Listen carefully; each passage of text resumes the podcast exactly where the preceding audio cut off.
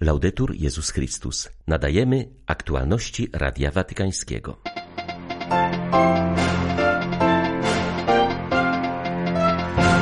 Papież Franciszek kanonizował pierwszą w historii Argentynkę.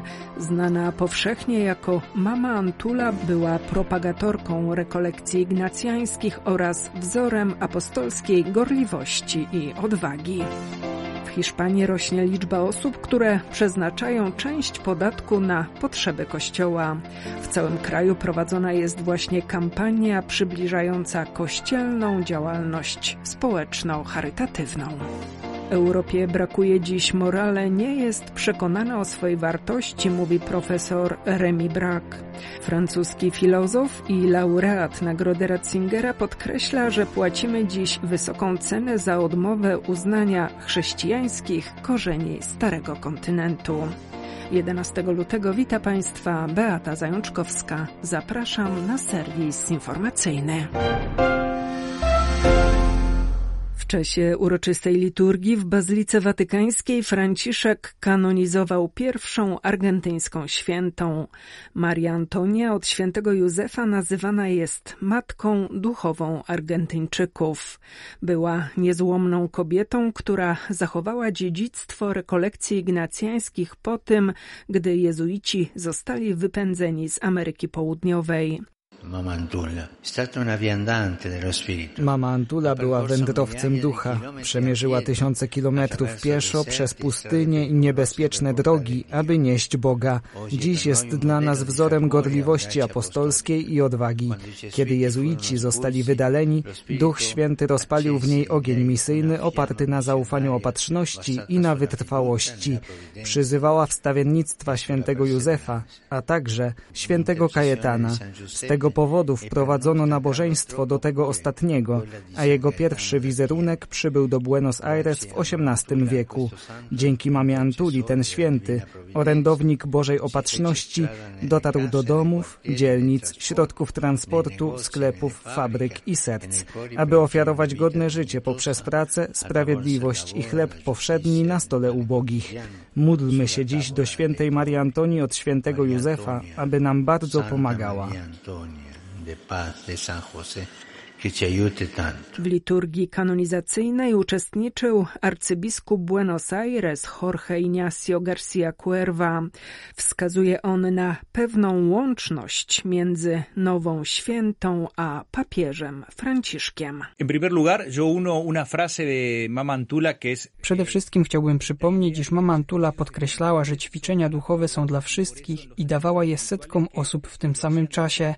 Jej rekolektantem mogła być zarówno rodzina ówczesnego wicekróla, członkowie arystokracji z Buenos Aires, jak i prości ludzie, a nawet niewolnicy. Podobnie papież w swoim przemówieniu na Światowych Dniach Młodzieży podkreślał, iż w kościele musi się znaleźć miejsce dla wszystkich.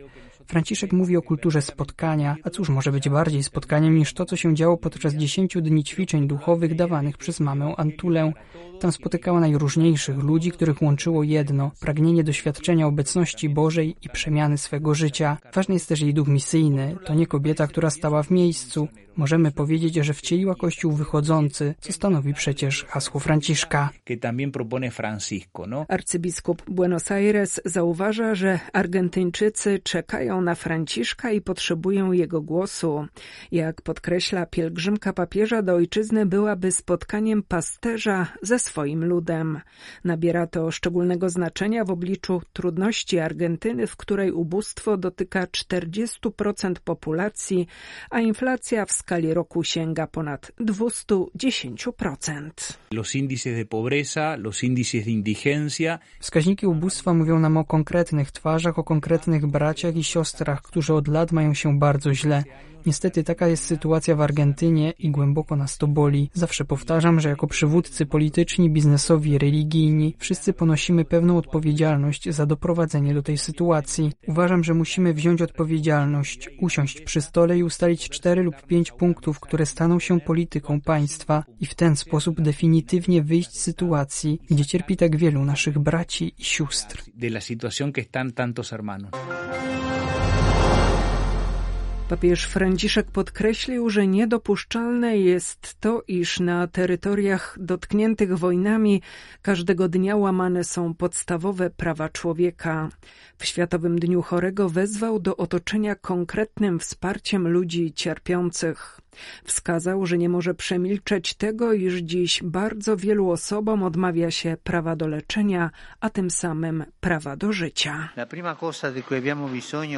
Pierwszą rzeczą, której potrzebujemy, gdy jesteśmy chorzy, jest bliskość drogich nam osób, pracowników służby zdrowia, a w naszym sercu bliskość Boga. Wszyscy jesteśmy wezwani do bycia blisko tych, którzy cierpią, do odwiedzania chorych, jak uczy nas Jezus w Ewangelii. Dlatego dzisiaj pragnę wyrazić bliskość moją i całego Kościoła wobec wszystkich chorych i słabych. Nie zapominajmy o Bożym stylu, bliskości, współczuciu i czułości. Ale w tym dniu, bracia i siostry, nie możemy milczeć o tym, że jest dziś tak wielu ludzi, którym odmawia się prawa do opieki, a zatem prawa do życia. Myślę, myślę o tych, którzy żyją w skrajnym ubóstwie, ale myślę także o terytoriach objętych wojnami. Tam podstawowe prawa człowieka są łamane każdego dnia. Jest to niedopuszczalne. Módlmy się za umęczoną Ukrainę, za Palestynę, módlmy się za Birmę i za wszystkie narody udręczone wojną.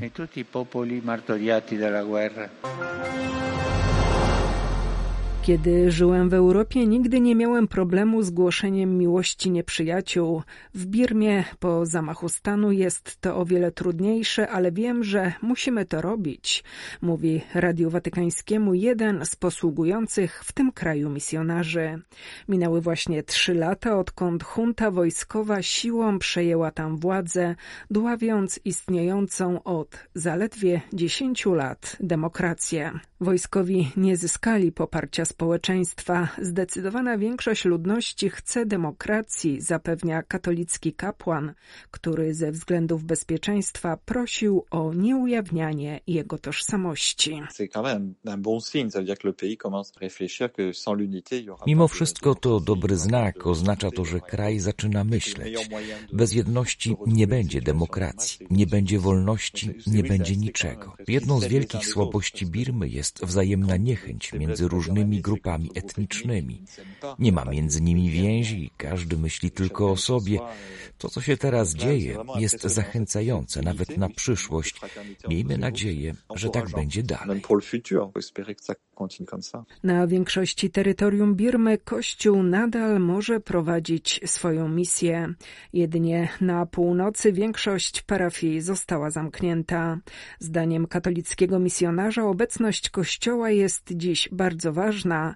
Przyjmuje on bowiem uchodźców i wspomaga potrzebujących. Nade wszystko jednak wychowuje do pokoju i braterstwa.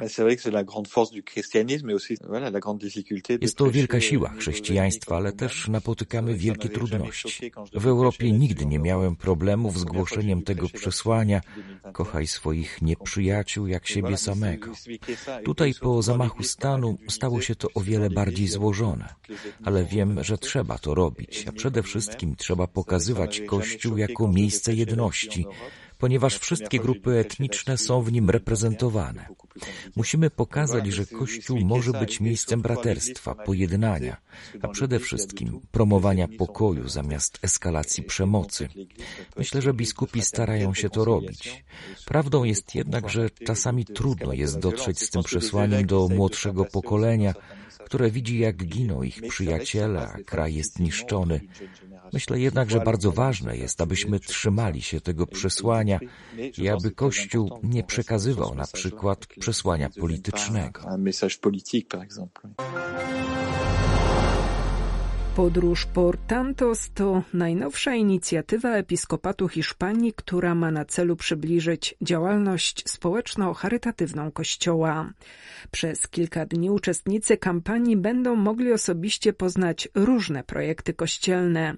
Moglibyśmy o tym opowiedzieć, ale wolimy, abyś sam to zobaczył, mówią organizatorzy, przypominając, że coraz więcej Hiszpanów przeznacza część podatku na potrzeby Kościoła. Kościół to nie tylko świątynia i liturgia, ale także sieć szkół, szpitali, ośrodków dla samotnych matek, bezdomnych oraz imigrantów. Nowa inicjatywa episkopatu to podróż Portantos. Skierowana jest do tych, którzy nigdy wcześniej nie odpisali części kwoty podatkowej na działalność Kościoła. Podczas podróży jej uczestnicy zobaczą m.in. w Toledo ośrodek pomocy dla kobiet ofiar przemocy. W Guadalajarze poznają problemy tzw. Tak Hiszpanii opustoszałej, czyli kilka małych miejscowości, których mieszkańcy pozbawieni są usług i komunikacji. W Segowii odwiedzą poradnię rodzinną, a w Hetafe będą świadkami pracy Kościoła na rzecz reintegracji byłych więźniów. Warto zauważyć, że w 2023 roku ponad 7,5 miliona osób przeznaczyło część kwoty podatkowej na potrzeby Kościoła, o 200 tysięcy więcej niż rok wcześniej. Dało to rekordową kwotę 300 milionów euro. Z Hiszpanii dla Radia Watykańskiego ojciec Marek Raczkiewicz, redemptorysta.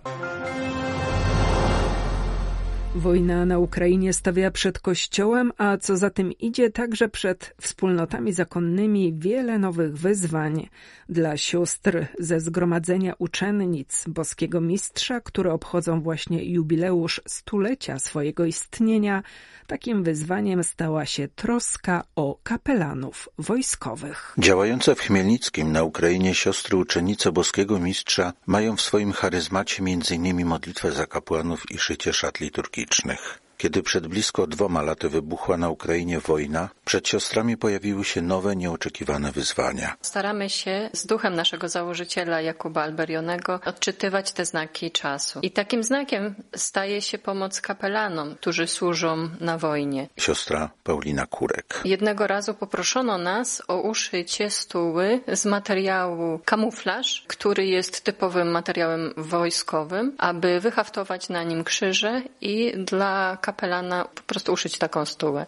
I jak się później okazało, dostajemy coraz więcej zamówień na takie stóły, ponieważ księża nie mogą sobie tak bierać takich stół zwyczajnych. Oni muszą też mieć e, wszystko takie zakamuflowane, kapelani wojskowi. I szyjąc e, taką stułę, pierwsza zawsze taka rola nasza jest modlitwa. Kiedy szyjemy już, również polecamy ich Panu Bogu. Od chwili wybuchu wojny w ukraińskich siłach zbrojnych wzrosła liczba kapelanów wojskowych. Są wśród nich duchowni grecko- i rzymskokatolicy, prawo prawosławni oraz przedstawiciele innych związków wyznaniowych działających w tym kraju. Z Ukrainy dla Radia Watykańskiego ksiądz Mariusz Krawiec, Paulista.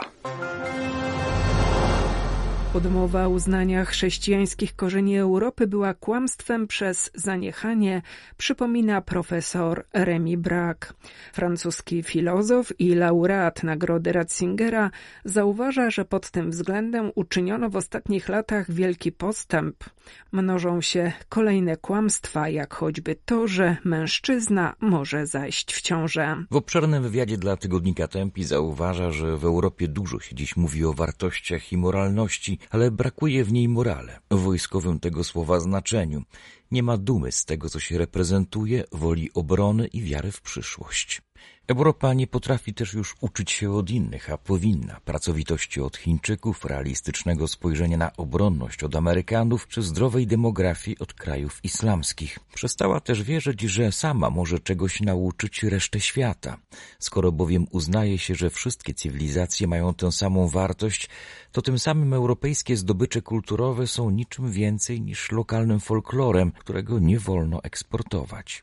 Jako znawca filozofii arabskiej profesor Brak zwraca też uwagę na poważne różnice między światem islamskim i naszą cywilizacją. I to w kwestiach o pierwszorzędnym znaczeniu, takich jak na przykład równość wszystkich ludzi, niezależnie od płci czy religii. Były to aktualności Radia Watykańskiego. Laudetur Jezus Chrystus.